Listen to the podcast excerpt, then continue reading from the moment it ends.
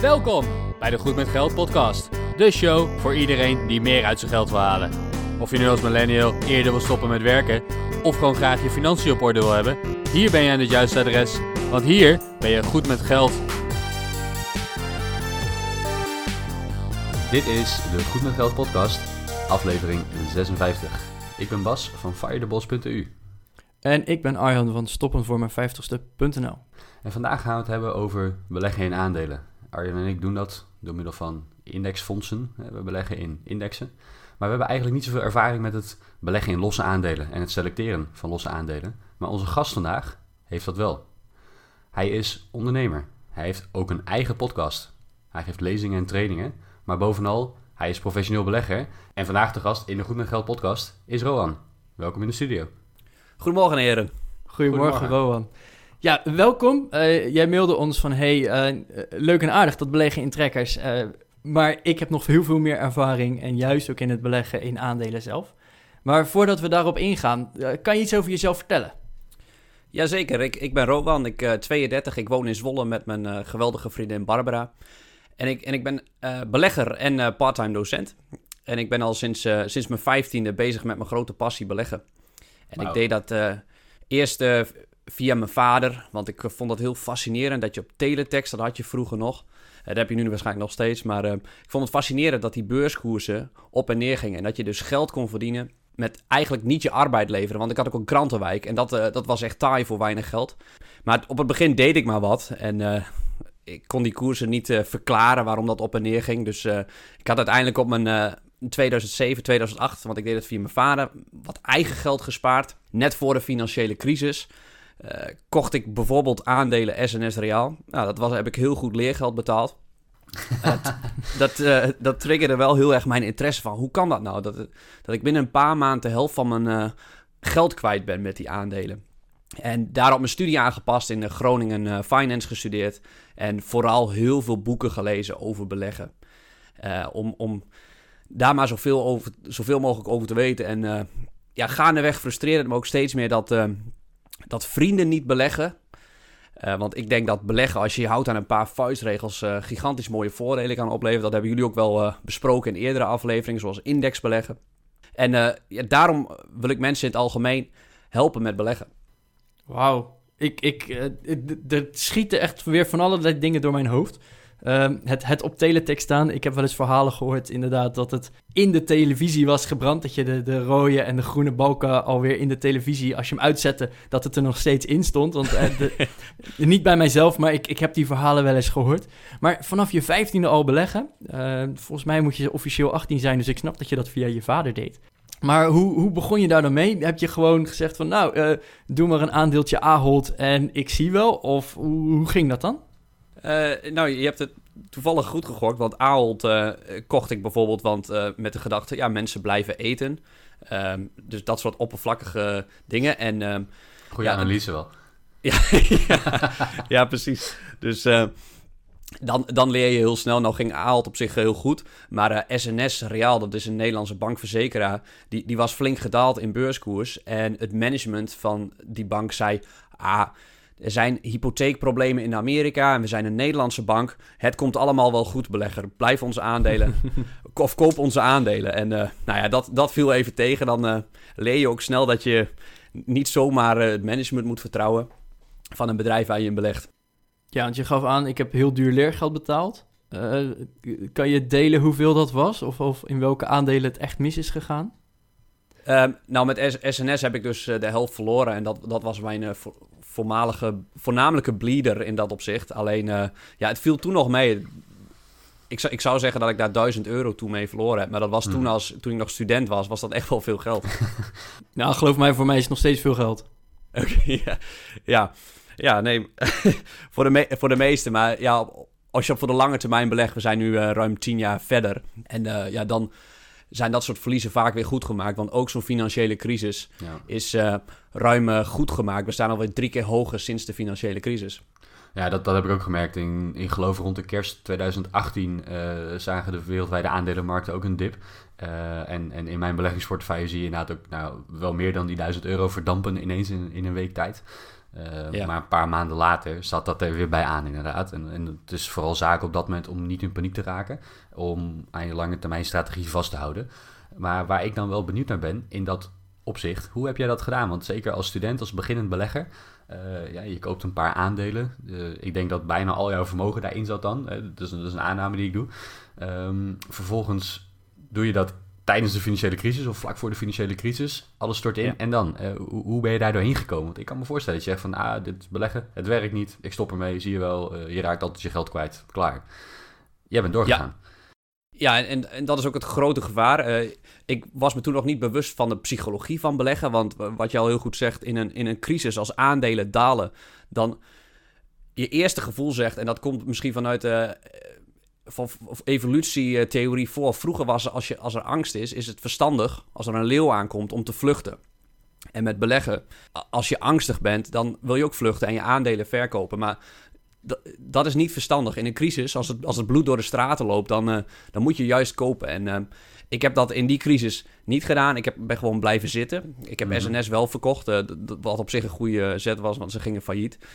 maar eh, maar eh, ja, dat, dat, dat was een hele goede les. Dus ik, ik wacht eigenlijk op de volgende crisis om dan, eh, om dan volledig eh, volle bakken al het geld aan het werk te zetten. Want ik ben nu maar voor 80% belegd. Nou ja.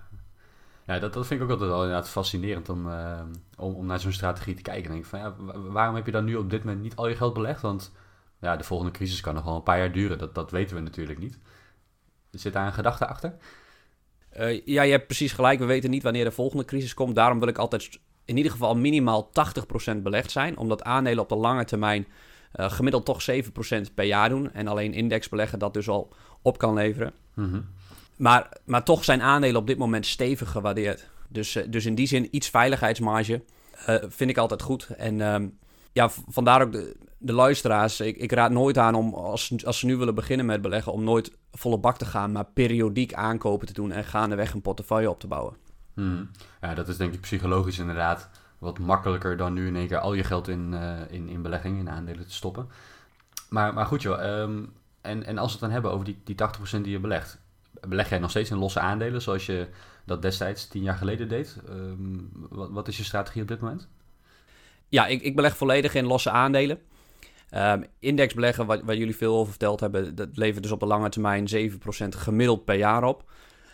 Maar ik denk als je, als je daar een systeem omheen bouwt en dat verstandig doet, dat je die index kan verslaan. En dat is best lastig, maar eh, ja, ik, heb mijn 10.000 uur op dat gebied gemaakt en, eh, ja, en, en tot nu toe gaat dat heel goed. Ja, want eh, laten we het heel even teruggaan naar de basics. Want wij zijn de Goed met Geld podcast. Dus als je nu voor het eerst naar ons luistert, dan kan het opeens over beleggen gaan. En help, waar moet ik aan beginnen? Ja. Beleggen in aandelen. Eh, eh, wat, wat is nou, als ik een aandeel koop, wat koop ik nou eigenlijk? Laten we daar even mee beginnen. Ja, je koopt een, een eigendomsbewijs in een onderneming. En eh, ik, ik, ik noem altijd de bakker op de hoek. Die is elke dag druk bezig om lekkere broodjes te bakken en zoveel mogelijk winst te maken. Als hij het heel goed doet, dan is die bakkerij meer waard. En, en zo is het eh, niks anders dan bij een aandeel Apple. Als jij een aandeel Apple koopt en Apple doet het goed, dan profiteer jij als aandeelhouder. Dus hè, wat er eigenlijk gebeurt is, eh, bijvoorbeeld die bakkerij die geeft duizend aandelen uit. En dat is dus eigenlijk dat, nou, die bakker wordt, of de bakkerij wordt eigenlijk opgesplitst in duizend stukjes qua eigendom. En op het moment dat jij één aandeel koopt, koop je eigenlijk één duizendste van die bakkerij. En nou, als de bakkerij dus 1000 euro meer waard wordt, dan krijg jij daar één duizendste van in waarde. Of hè, jouw aandeel wordt dus eigenlijk een euro meer waard. Nou, dat is dus eigenlijk eh, aandelen in het klein. En eh, nou, ga maar even naar Apple kijken. Ik weet niet eens hoeveel aandelen ze hebben, maar eh, ik, ik geloof dat ik 1 miljardste aandeel van Apple kan kopen. En, en dat is dus eigenlijk de hele aandelenmarkt. Eigenlijk koop je alleen maar stukjes van bedrijven. En ja, je koopt niet direct stemrecht. Je koopt eigenlijk alleen maar een, een financieel stukje van zo'n bedrijf. Je hebt ook nog ander type aandelen dat je ook echt stemrecht koopt. Uh, op het moment dat je meer dan een x procent van de aandelen hebt, dan krijg je ook weer stemrecht. En nou, al, dat soort dingen zitten eromheen. Maar in principe op de beurs handel je eigenlijk alleen maar in het financiële aandeel van zo'n bedrijf. Ja, en Rowan, hoe, hoe begin jij dan? Want eh, ik, ik, ja, Bas en ik die, die beleggen in trekkers. En dat zijn grote mandjes met aandelen eigenlijk. Een hele verzamelingen aandelen in één keer. Uh, ik vind het al lastig om zo'n zo'n trekker te selecteren. Van welke moet ik nou hebben? Hoe begin je eigenlijk met het selecteren van... oké, nou, in, in die bakkerij of hè, die supermarkt... die vind ik goed genoeg om te zeggen... nou ik, ik koop daar een aandeel van, want ik verwacht dat zij genoeg winst gaan maken. Of ik denk dat zij meer waard gaan worden, waardoor ik dus ook meer ga verdienen. Ja, dat, dat begint door uh, op de eerste plaats goed om je heen te kijken. Um, ik, ik hou bijvoorbeeld helemaal niet uh, van winkelen, maar mijn vriendin uh, vindt dat hartstikke leuk. Alleen dan door om je heen te kijken, vind je daar van allerlei interessante dingen. Als je bijvoorbeeld bij de H&M naar buiten loopt, zonder je kleding af te rekenen. Dan gaat er zo'n alarm af. En die poortjes, van wie zijn die nou? Dat blijkt van een Nederlands bedrijf hier in Groenlo te zijn. En dan ga je verder op onderzoek uit. En uh, ja, ook als je bijvoorbeeld op de wc uh, staat, dan is 50% van alle toiletten wat daarachter zit, is van Geberit. Ja, dat merk je wat je altijd ziet zitten inderdaad op elke spoelknop en uh, op elk fonteintje wat er, wat er opgehangen is. Ja, en, en dan denk ik van hoe kan het dat die zoveel vaker in toiletten zitten dan concurrenten? En dan ga je dat hun bedrijf bestuderen, het bedrijfsmodel, en dan blijkt je dat ze toch wel geniale dingen doen. En op dat moment zeg, ga, je, ga je zoeken van, hé, hey, kan ik daar een aandeel van kopen? Ja, ja, want lang niet alle bedrijven zijn beursgenoteerd. Nee, inderdaad, want dat, dat is ook nog een keuze. Een, bedrijf kan zich opsplitsen in aandelen, maar dan is er ook nog eens de keuze om het wel of niet publiek te laten verhandelen. Uh, maar goed, uh, oké. Eh, stel, uh, jij, loopt door de supermarkt en je denkt... hey, Ahold van Albert Heijn en, en nog een aantal grote merken. Je denkt van, nou, iedereen blijft toch wel boodschappen doen. Dus ik ga naar de beurs, zoek Ahold en hup, kopen maar. Gaat dat zo? Of zitten er nog wat stappen tussen? Ja, er, zitten nog wel wat stappen tussen. Ik, ik, heb heel erg een, beleggingsfilosofie. De, dat, dat noem ik de vier traps raket. Ja, die, die bestaat uit uh, logischerwijs vier trappen. Uh, begrijpen waar je in belegt. Dus ik moet het businessmodel begrijpen. Hoe verdient het bedrijf zijn geld? Dus, dus daar moet je zicht op krijgen. En daarna de competitieve positie. Competitieve positie. Hoe sterk is een bedrijf? En bij mijn trainingen vraag ik bijvoorbeeld... je, je noemt net Apple. Bij mijn trainingen vraag ik wel eens van... Wie heeft er een iPhone?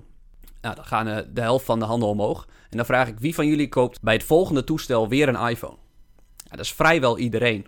En uh, ja, dan heb je te maken met een sterk bedrijf dat zich kan onderscheiden van concurrenten. En dat op die manier op de lange termijn veel, winst, veel langer winstgevender kan blijven. -hmm. Want als je geen sterk bedrijf hebt, dat betekent dat concurrenten het makkelijk kunnen kopiëren. En in ons kapitalistisch systeem is, is in die zin bikkelhard uh, dat, dat winstmarges dan als sneeuw voor de zon verdwijnen. Ja, dus, dus jij gaat wel echt op zoek naar bedrijven die, uh, die een competitief voordeel hebben, eh, omdat ze een sterke marktpositie hebben of omdat ze een, een beter product hebben. Um, maar hoe, hoeveel, hoeveel tijd steek jij in het onderzoek dat je doet naar zo'n aandeel? Want ik kan me voorstellen dat jij niet 100 uur per week kan gaan zoeken naar één aandeel om, om één aandeel aan het werk te zetten voor je, terwijl je misschien wel in, nou, weet ik veel, in, in 20, 50, 100 verschillende aandelen belegd bent. Hoe, hoe, hoe doe je dat? Hoe pak je dat dan aan? Nou, ik, ik, mijn vuistregel is wel dat ik er 100 uur onderzoek minimaal in moet stoppen voordat ik een aandeel koop. Per bedrijf? Ja, ja wow. maar ik, ik, ik heb er vaak maar uh, 10 gemiddeld. Dus in die zin uh, valt dat mee. Dus, ik heb niet 50 verschillende aandelen, want ik geloof niet in zoveel spreiding, omdat ik dan niet mij goed kan focussen op de aandelen die ik heb. Mm -hmm. um, maar het kopen van een aandeel is, is voor mij altijd wel een heel traject. Dat gaat soms, uh, gaat soms een paar jaar overheen, of een oh, paar wow. maanden. Wow, ja. Dus, dus ik, ik blijf dat bedrijf volgen. Ik, uh, ik, ik ga het management vragen stellen van het bedrijf. En uh, ja, ik, ik moet echt een feeling met het bedrijf krijgen. Mm -hmm. Dus daar gaat echt daar gaat serieus veel tijd overheen. Um, je, je noemde net van, ik, ik ben op zoek naar bedrijven die heel zichtbaar zijn. En, en noem even de producent van allerlei onderdelen van toiletten als je in, in openbare gelegenheden bent. Die gasten zie je inderdaad overal. Dus die, ze hebben een hele goede marktpositie. Um, je noemde Apple met de met de positie van nou, de helft van alle mensen die ik tegenkom heeft een iPhone en geeft ook aan, ik wil de volgende iPhone ook weer kopen. Um, zijn er daarnaast nog meer aspecten waar je naar kijkt? Ja, heel belangrijk, zoals ik net noemde, het management van het bedrijf. Je wil dat de managers uh, die dus het bedrijf aansturen, maar niet per se eigenaar zijn, ja, geniaal zijn en ook vooral te vertrouwen zijn. Want ze, ze, ze gaan met jouw geld om. Mm -hmm. uh, dus, dus beter dat dat goed is. En vaak helpt het dan om te beleggen in, uh, in familiebedrijven of waarvan uh, de oprichter nog steeds aan het roer staat. Oké. Okay. Ja, dus er er zijn een aantal grote ketens inderdaad in Nederland. En ja, het is eigenlijk hun kindje wat ze op de wereld hebben gezet. Als in hun bedrijf eh, wat ze groot hebben gebracht. En daarvan zeg jij dus eigenlijk van nou, die, die bedrijven die zijn over het algemeen wat sterker. Omdat de eigenaar daarachter of het management daarachter eh, er meer voor over heeft om dat draaiende te houden en, en winstgevend te houden. Ja, e- exact. Het is het levenswerk van, van die oprichter. En eh, die wil wat al, alles, zijn, zijn kindje beschermen en dat laten groeien. En ja, dan zul je het gemiddeld een stuk beter doen. Ja, en ben je dan niet bang dat op het moment dat eh, opa heeft een bedrijf opgericht en eh 60 jaar later is het een super succesvol groot, eh, grote onderneming, ben jij niet bang dat als hij omvalt, dat dat slecht is voor het bedrijf?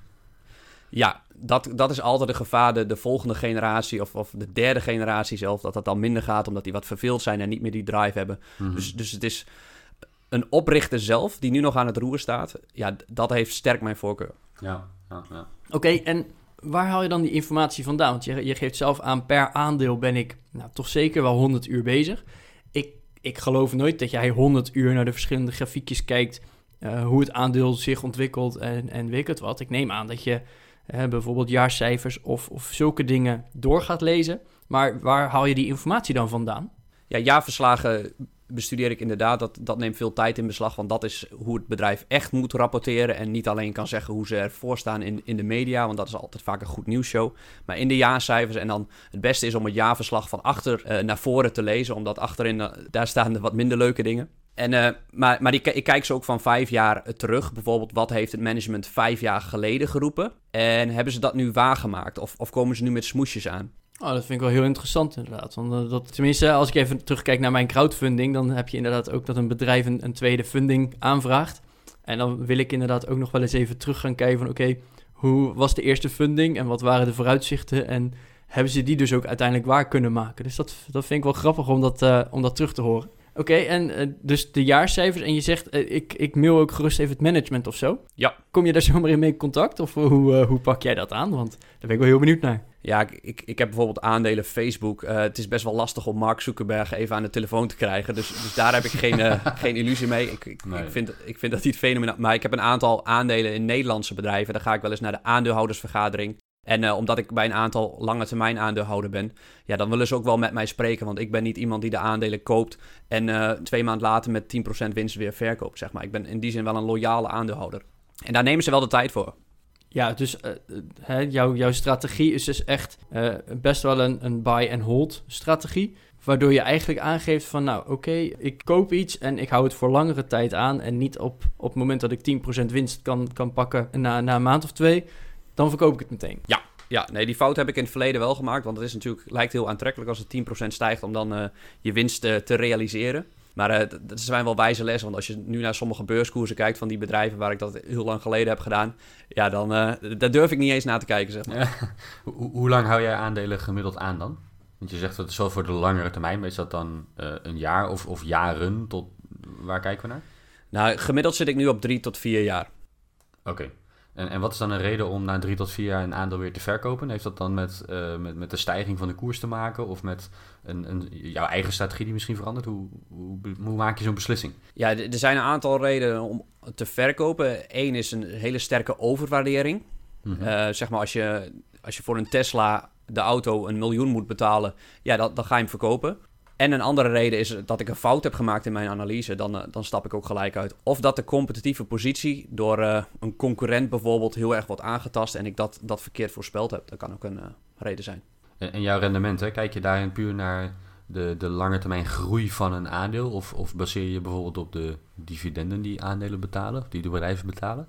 Ja, in principe baseer ik me op de onderliggende groei in de kaststromen op de lange termijn. Dus als een bedrijf continu blijft groeien, dan als het goed is nemen de winsten en de kaststromen ook toe. En eh, op de korte termijn kan de beurskoers enorm fluctueren. Mhm. Maar op de lange termijn stijgt de beurskoers vrijwel exact met die winst en die kaststromen mee. Ja, Dus zolang die goed zijn, die winst en die kaststromen, eh, blijf ik aandeelhouder. oké. hey, en eh, een brutale vraag. Wat heeft het nou opgeleverd afgelopen jaar? 2019, dat was eh 30,2 procent.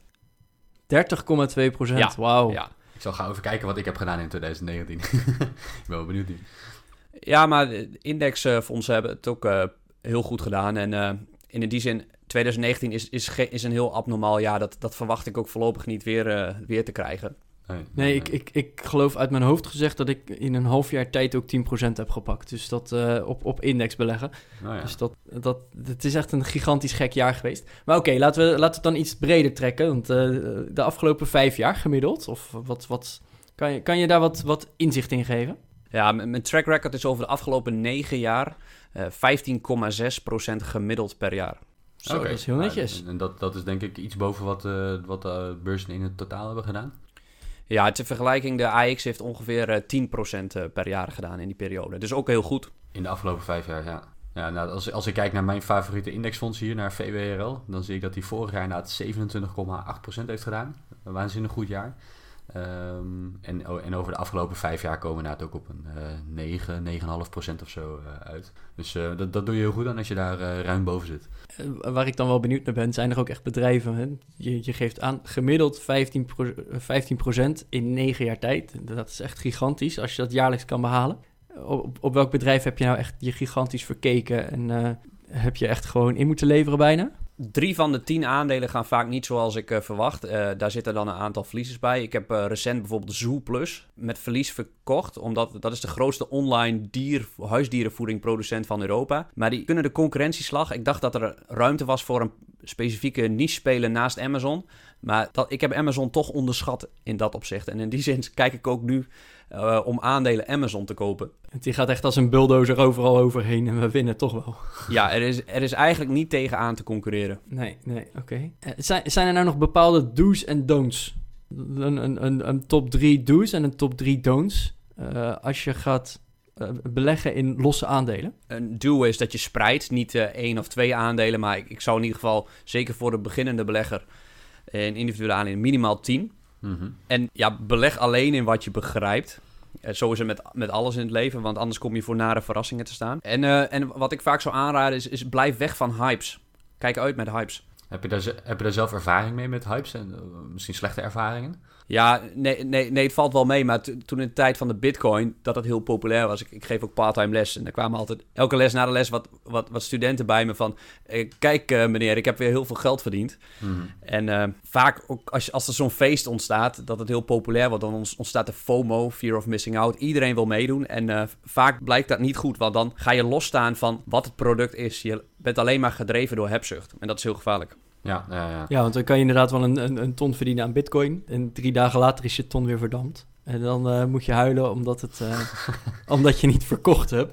Dus dan Ja. eh, was het van, ik kon een Tesla kopen en nu kan ik geen Tesla meer kopen. Nou ja, over, over Tesla en hypes gesproken. een, een aantal jaren geleden dacht ik, al, eh, ik, ik ben een in- indexbelegger, maar ik dacht laat ik eens een paar aandelen, te- a- aandelen Tesla, Tesla kopen. Volgens mij kocht ik inderdaad voor iets van 1000 euro of zo een paar aandelen Tesla. Van, Wow. die, die gasten zijn goed bezig. En op een gegeven moment waren ze niet zo heel goed bezig. En dacht ik, weet je wat, dit is de moeite niet waard. En ik heb ze verkocht. Ik geloof met 50 euro, 100 euro verlies. Ik had zoiets, oké, nou weet je wat, laat me zitten. Ik heb eigenlijk ook helemaal geen zin om dit allemaal te gaan volgen. Die 1000 euro die heb ik weer in mijn indexfonds gestopt. Maar als ik nu terugkijk, hebben ze het toch best wel goed gedaan. Ze hebben hun beloftes redelijk kunnen waarmaken qua, eh, qua productie, qua eh, verkoopcijfers. En daarmee doen zij het heel goed. Ehm, dat, dat is wat ik het allermoeilijkste vind als ik, als ik kijk naar losse aandelen. Ja, ik zou best daar wel wat mee willen doen. Aan de andere kant, ik heb er helemaal niet de tijd voor. En nou ja, goed, in het verleden gezien, eh, ik maak misschien ook niet de beste beslissingen. En ja, op het moment dat je dan zeker in zo'n hype zit, Tesla was op dat moment heel populair. Ja, dan, dan ga je daarin mee en dan denk je, nou weet je, ik probeer het gewoon. Eh, wat, nou, ik zie het als wat speelgeld, als wat leergeld misschien. En, en op een gegeven moment dan, dan neemt die hype wat af. En toen dacht ik, nou oké, laat me zitten. Je verkoopt met verlies. Terwijl aan de andere kant, als ik een gedegen analyse had gedaan, had ik misschien wel gezegd van, nou, misschien moet ik ze aanhouden. Want er zit groeipotentie in. Dat, dat vind ik wel lastig. Jij noemde de hypes. Hoe spot jij zo'n hype? Hoe, hoe had jij voorkomen dat je eh, op dat moment in Tesla had eh, eh, belegd en dat met verlies had moeten verkopen? Hoe, hoe, hoe, hoe, ga je daarmee om? Hoe, hoe, ko- hoe koppel je je emotie misschien los van de beslissing die je neemt? Hè? Dat, dat is misschien eigenlijk wel waar het, waar het dan om draait. Ja, ja, dat is natuurlijk heel lastig, want ehm, ik, ik, ik vier altijd kerst bij mijn opa en oma. En eh, een oom eh, die, die raadt al een paar jaar aan om aandelen ASML te kopen. Nederlandse trots. En ik zie elk jaar weer tegen kerst op, want hij heeft elk jaar weer gelijk gekregen. En dan is het psychologisch heel lastig om die, zoals jij zegt, die emotie los te koppelen van... Ja, moet ik nu ook op die boot springen of, of, of moet ik toch mijn eigen strategie volgen? Mhm. En eh, ja, ik heb, ik heb geleerd ook, denk ik, in het verleden door wel naar anderen te luisteren. En nu vooral mijn eigen visie te volgen. En dan mis je inderdaad soms een aandeel als Tesla. Maar gemiddeld, als je, als je belegt en je houdt je aan die vier trapsraket, dan, dan zul je het goed doen. Ja, precies. Dus je, je, je wil je echt gewoon door de feiten laten leiden en niet eh, iedereen praat erover, het zal wel goed zijn. Eh, je, Ja. je kijkt echt naar de feiten daar.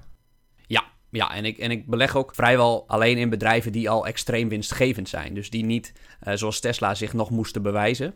Ehm, het risico, je, je mist dan af en toe een Tesla, maar voor één Tesla gaan er misschien ook eh 99 anderen die het niet waarmaken. En Ja. ja. in die zin beleg in gevestigde bedrijven, dat helpt een boel. Ja, je, je voorkomt daarmee dat je te veel risico neemt en, en daarmee dus eh, ja, minder verliezen hoeft te pakken. Ja, ja exact. precies. Ja, ja. ja, dat is denk ik wel heel slim. En zeker op het moment dat je, als je zegt van ik beleg in individuele aandelen, dat zijn er misschien 10, 15 of 20. Dan is het risico natuurlijk op het moment dat zo'n bedrijf failliet gaat en je bent meteen 10% van je vermogen kwijt. Ja, dat, dat doet dan veel meer pijn dan op het moment dat je in een paar duizend bedrijven in een index zit waarvan er eentje failliet gaat. Dus ik kan me inderdaad wel voorstellen dat je daar voorzichtiger mee, eh, mee bent. Ja, je wil, je, het eerste doel is het behoud van vermogen. En pas dan komt eh, een stijging van het vermogen. Of groei van het vermogen. Precies, ja, ja slim. Oké, en eh Rowan, jij geeft ook trainingen en je geeft ook cursussen over beleggen en, en over het, het selecteren van zo'n aandeel. En nou, we, we hebben er nu al bijna een half uur over gesproken. Dan ben ik wel heel benieuwd, wat, wat komt er nou in jouw cursus nog voorbij? Hè? Want je hebt twee soorten cursussen. Je hebt eh, een, een cursus voor beginners en een cursus voor de wat gevorderde belegger al. Welke onderwerpen behandel je dan nog zo meer? Want we hebben er nu al een half uur over gesproken. Maar ik, ik geloof niet dat we nu al alles hebben gehad. Ja, die, die beginnende cursus is vooral eh, het merendeel voor de, voor de, zeg maar de, de indexbelegger. Van A tot Z word je helemaal meegenomen naar een geschikt indexfonds, zodat jij je geld voor je kan laten werken. En meer voor de belegger die wel van beleggen wil profiteren, maar er liever niet zoveel tijd aan kwijt wil zijn. Mhm. En die andere training, je zegt voor, voor gevorderden, maar in principe kan, kan iedereen daaraan meedoen, omdat ik denk dat beleggen eigenlijk best makkelijk is. En eh, mijn verhaal spreekt dat misschien heel erg tegen, dat je daar dus honderden uren in moet stoppen. Ik denk als je je aan een, aan, een systeem houdt en als je belegt voor de lange termijn en, en een paar trucjes kent, dat, dat je toch eh, relatief makkelijk die index kan verslaan op de lange termijn. En, en daar is die andere training voor, dat je in één dag leert hoe je, hoe je dat gaat doen. Dat je met, met relatief weinig tijd, maar je moet het wel leuk vinden. Je moet wel leuk vinden om eh, bedrijven te bespreken en eh, te bestuderen in dat opzicht. Maar het hoeft niet per se veel tijd te kosten. Nee, precies. Hey, en, en ge- geef je vaak van dat soort trainingen? Of eh, heb je er een paar die in de, in de nabije toekomst, waar, waar nog beschikbaarheid voor is? Ja, op korte termijn, eh, 6 maart in Zwolle is dat. Daar heb ik er nog eentje. En 6 juni ook. Die staan Oké. eh, op korte termijn gepland. En, en, en mocht er nu een luisteraar zijn die denkt, hé, hey, daar, wil ik, eh, daar wil ik bij aansluiten. Waar kan die jou vinden dan? Eh, via mijn website rowannijboer.nl onder het kopje evenementen. Oké. En daar kan je ook meer informatie over me vinden als, je, als ze dat leuk vinden. Nou, we gaan ook van naar jouw website linken in onze show notes op www.goedmetgeldpodcast.nl slash 056 voor aflevering 56. Ja, jij, jij geeft trainingen, jij, je hebt zelf ook een podcast. Ga, gaat die ook helemaal over, eh, over het beleggen? Of haak je daar ook Ja. andere dingen aan? Eh, nee, voornamelijk eh, die specifiek op beleggen. Beleggen in individuele aandelen, maar ook, ook op indexbeleggen. Dus we hebben voor elke luisteraar wat. En we willen beleggen ook, net als jullie goed met geld toegankelijk willen maken, wil, wil ik samen met mijn vriendin, want daar doe ik de podcast mee, zij stelt de vragen, beleggen toegankelijk maken. Want ik denk dat het voor iedereen een perfecte manier is om eh, financiële dromen waar te maken. Want veel eh, millennials zullen wel luisteren naar jullie podcast. Ja, als je, als je belegt met een klein bedrag per maand en daarmee begint, dan kan je toch al snel een paar jaar eerder met pensioen. Ja, absoluut. Dat, dat denken wij ook. En, en wij proberen natuurlijk eh, alle aspecten van geld langs te laten komen. Eh, beleggen is onderdeel van, daar praten we zelf graag over. Maar ik ga zeker jouw afleveringen ook luisteren. Om te kijken wat ik daar verder van kan leren. Hoe heet je podcast? Ja, als je mijn eh, naam intypt, Rowan Nijboer, dan eh, komt hij bij alle podcastspelers naar voren. Dan komt hij vanzelf naar boven. Oké, Ja. goed om te weten. Eh, natuurlijk linken we ook in de show notes naar jouw podcast. En ja, zoals elke gast krijg ook jij de vijf goed met geld vragen voorgeschoteld. Ben je daar klaar voor? Zeker. Oké, nou de eerste vraag. Rowan, wat is jouw grootste financiële blunder? Ja, ik, ik noemde SNS al. Maar wat, wat vooral denk ik blunders zijn geweest, is eh, dat het best wel heel duidelijk was dat bepaalde bedrijven in het verleden al de toekomst zouden gaan domineren. En dat, dat ik die aandelen wel had, maar dat ik die veel te vroeg heb verkocht. En in die zin, als je de beurskoers dan nu terugkijkt, dan doet dat pijn. Ja, heb je het dan over de, de Amazons en de Googles? Ja, ja, ja.